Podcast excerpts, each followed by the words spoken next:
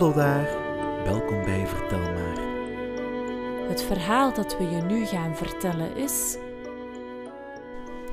De keizer en de nachtegaal.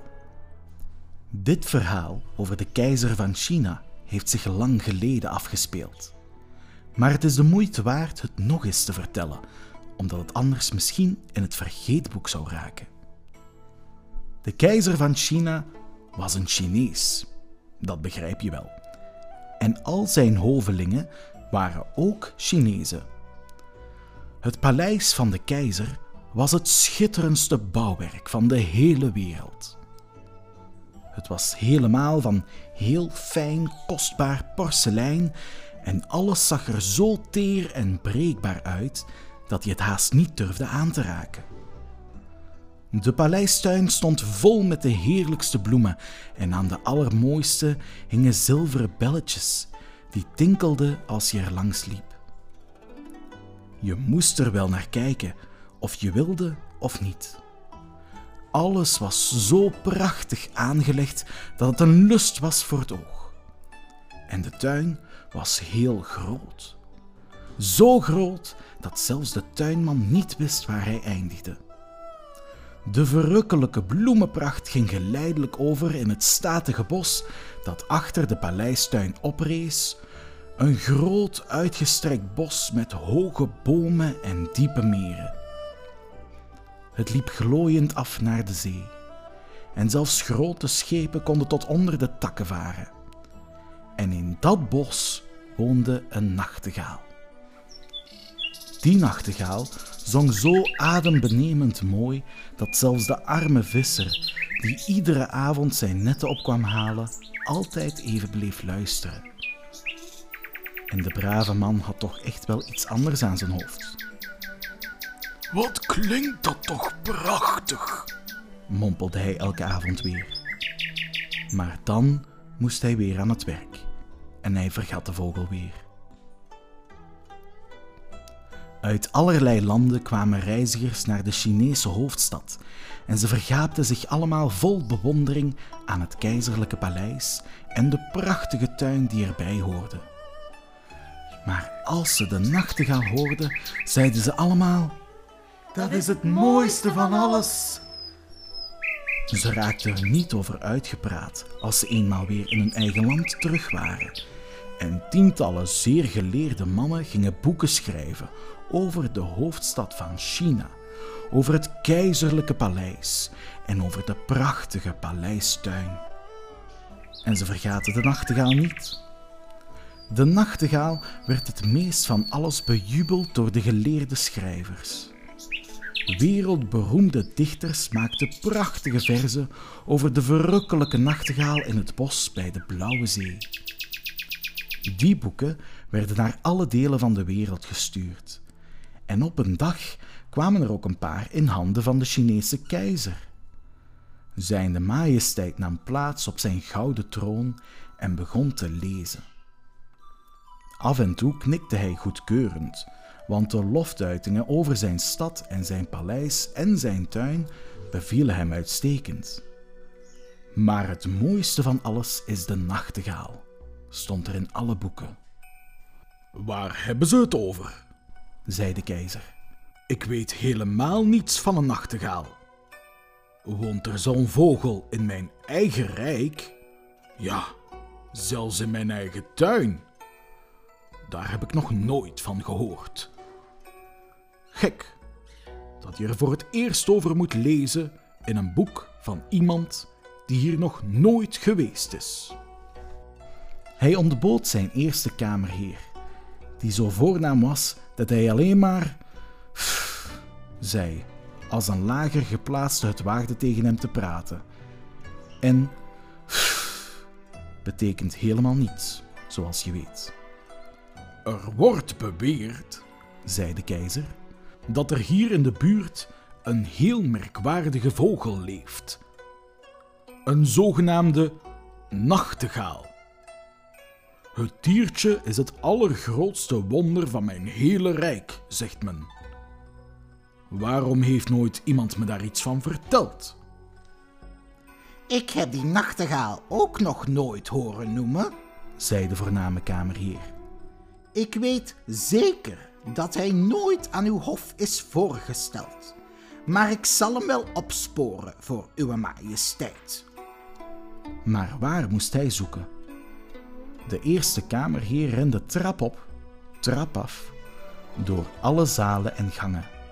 Maar niemand had ooit van de nachtegaal gehoord. De kamerheer draafde terug naar de keizer en vertelde hem dat het allemaal verbeelding moest zijn van de schrijvers. Uw keizerlijke majesteit moet niet alles geloven wat er geschreven wordt, besloot hij. Er wordt zoveel gefantaseerd. Maar de keizer schudde zijn hoofd. Een van de boeken waarin ik het gelezen heb, zei hij, is me gestuurd door de machtige keizer van Japan. En dus kan het geen verzinsel zijn. Ik wil de nachtegaal vanavond hier hebben. Ik geef hem hierbij mijn keizerlijke toestemming om voor mijn troon te verschijnen. En doet hij dat niet, dan worden vanavond na het eten alle hovelingen onder de voet gelopen. P, sprak de eerste kamerheer geschrokken.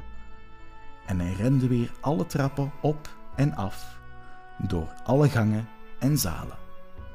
Het hele hof rende mee, want niemand voelde er iets voor onder de voet gelopen te worden. En iedereen vroeg overal naar de nachtegaal, waar de hele wereld van afwist, behalve de mensen aan het keizerlijke hof in China. Ten slotte vonden ze een arm, eenvoudig meisje in de keuken dat zei: Oh, ik ken de nachtegaal heel goed. Hij zingt zo prachtig. Ik breng iedere avond de restjes van de keizerlijke tafel naar mijn arme zieke moeder. Als ik dan halverwege het bos ben en ik rust even uit, hoor ik de nachtegaal zingen. Ik krijg er altijd tranen van in mijn ogen en het geeft me het gevoel of mijn moeder me kust. Keukenmeisje, zei de eerste kamerheer plechtig. Ik benoem je tot opperkokkin van het hof. En je mag bovendien iedere avond naar de keizer kijken als hij zit te eten. Maar dan moet je ons onmiddellijk naar de nachtegaal brengen. Hij wordt vanavond namelijk aan het hof verwacht. Het hele rijtje edelieden volgde het eenvoudige meisje naar het bos, waar de nachtegaal placht te zingen. Onderweg hoorden ze ergens een koe loeien. Ach, zei een van de hovelingen, daar hebben we hem. Dat is inderdaad een geweldig geluid voor zo'n klein schepseltje, maar ik geloof toch wel dat ik het al eens eerder gehoord heb. Nee, dat is een koe die loeit, zei het keukenmeisje.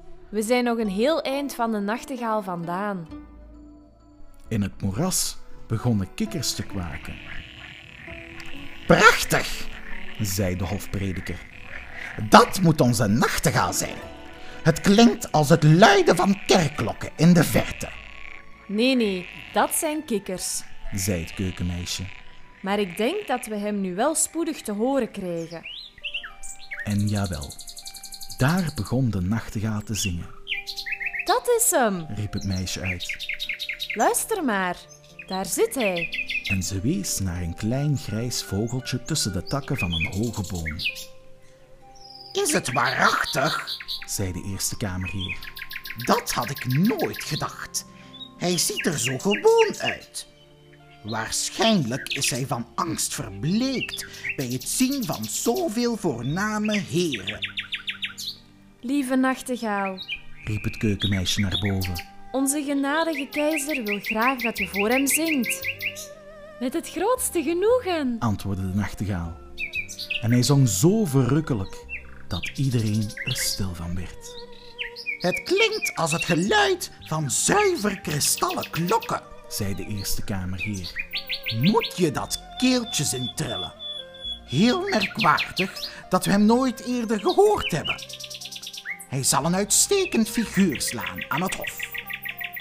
Zal ik nog wat zingen voor de keizer? vroeg de nachtegaal, in de veronderstelling dat de keizer tussen het groepje mannen onder hem stond. Geachte nachtegaal, zei de eerste kamerheer. Het is mij een eer u hierbij uit te nodigen voor een bezoek aan het hof. Zijn keizerlijke majesteit zal zeker verrukt zijn van uw prachtige zang. Mijn liedjes klinken anders het mooist tussen de bomen in het bos, zei de nachtegaal. Maar hij was graag bereid mee te gaan naar het paleis, toen hij hoorde dat de keizer dat wenste. In het paleis was alles in gereedheid gebracht voor de feestelijke gebeurtenis. Al het porselein glansde mooier dan ooit in het licht van duizenden gouden lampen. In de gangen pronkten vazen met prachtige bloemen, behangen met zilveren belletjes. Door het jachtig heen en weergeloop van de hovelingen rinkelden alle belletjes bijna onafgebroken, zodat de mensen zichzelf nauwelijks konden verstaan. In het midden van de grote zaal, waar de keizer op zijn troon zat, was een gouden zitstang neergezet voor de nachtegaal.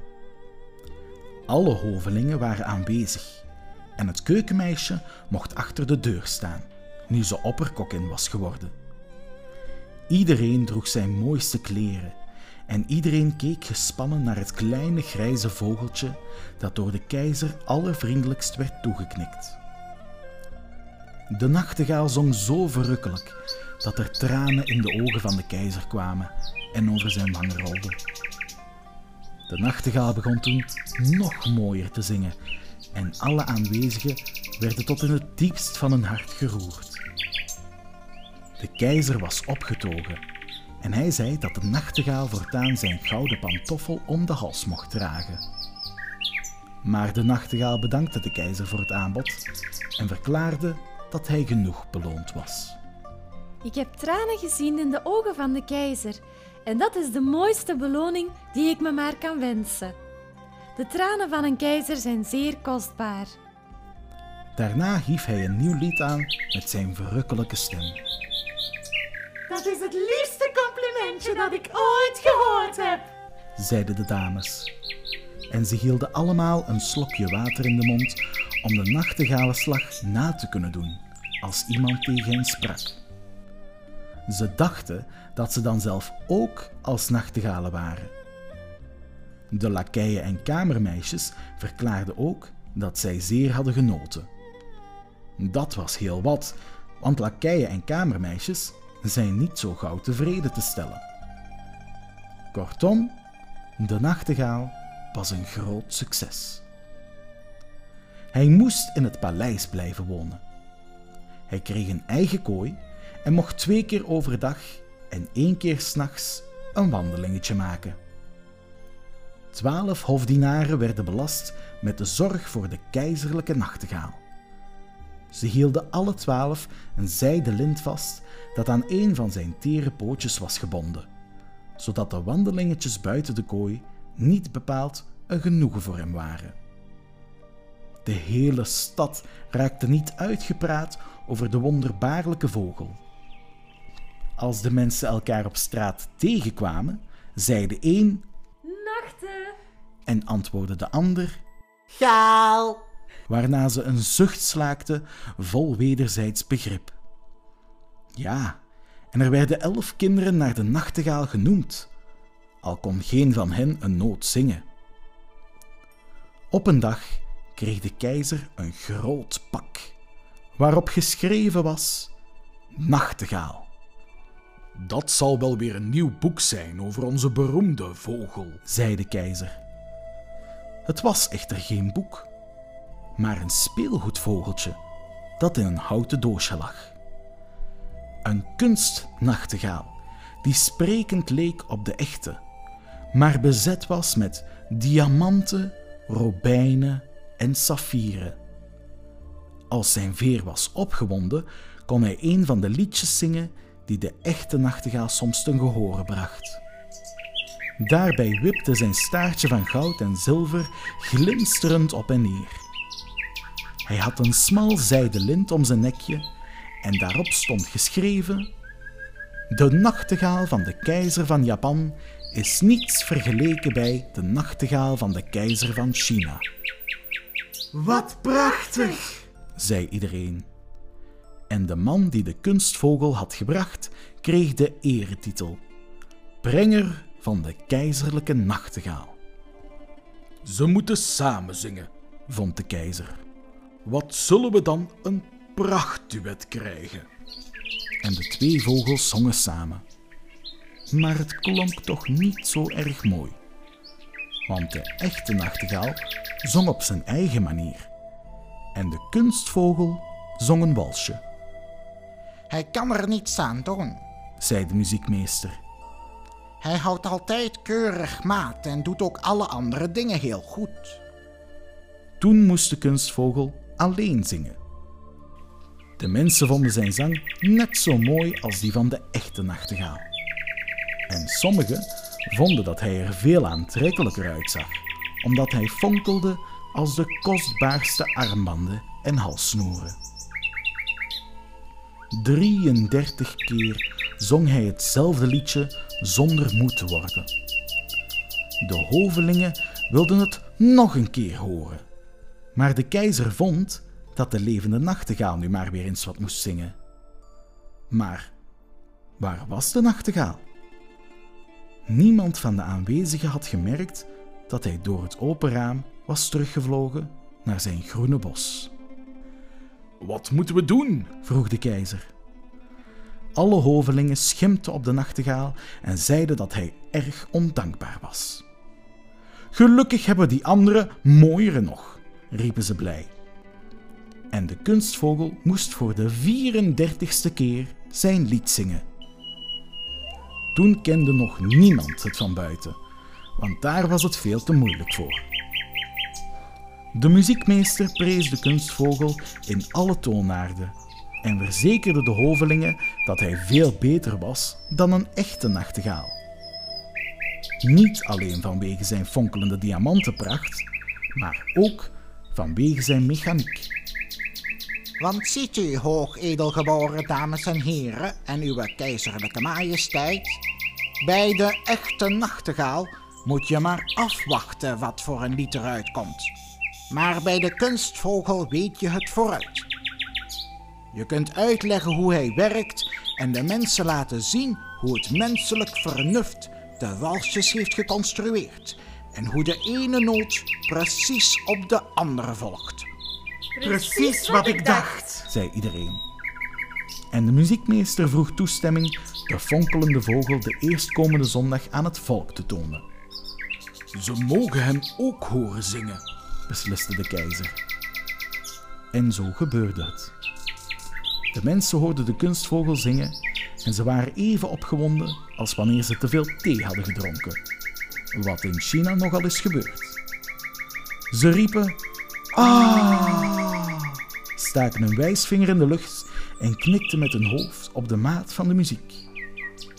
Alleen de arme visser, die de echte nachtegaal vroeger had gehoord, herinnerde zich die stem en zei: Deze vogel zingt heel aardig, maar er ontbreekt iets aan. Ik weet alleen niet precies wat. De echte nachtegaal werd verbannen uit het keizerrijk terwijl de kunstvogel op een zijden kussen naast het bed van de keizer pronkte. Al de kostbare edelstenen en gouden sieraden die de vogel ten geschenke had gekregen, lagen om hem heen. Hij had de titel gekregen van keizerlijke nachtzanger, eerste van links. De keizer beschouwde de linkerzijde als de voornaamste, want zelfs bij een keizer zit het hart links. De muziekmeester schreef 25 dikke boeken over de kunstvogel. Stuk voor stuk zeer geleerd, zeer breedsprakig en vol moeilijke Chinese woorden. Desondanks beweerden alle hovelingen dat ze de boeken hadden gelezen en begrepen, want ze herinnerden zich maar al te goed dat ze een keer onder de voet waren gelopen toen ze zich nogal dom hadden uitgelaten over een bepaald boek. Er verstreek een jaar. De keizer, de hovelingen en alle andere Chinese onderdanen kenden het lied van de kunstvogel langzamerhand van buiten en ze vonden het er juist nog aardiger om. Ze konden het zelfs meezingen en deden dat dan ook. Straatjongens zongen op het wijsje van de kunstvogel Tralalala En de keizer zong soms ook met de vogel mee.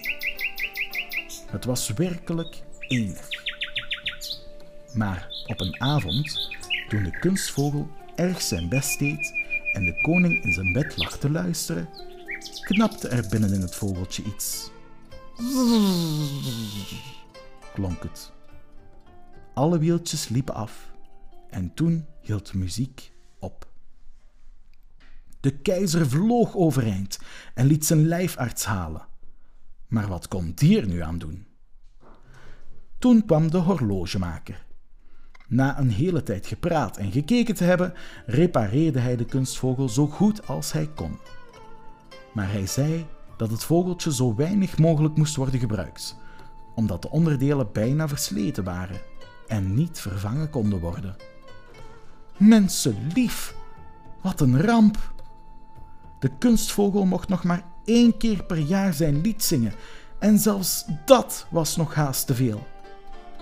Maar de muziekmeester hield een toespraak vol geleerde woorden, waarbij hij vaststelde dat het nog even mooi was als vroeger.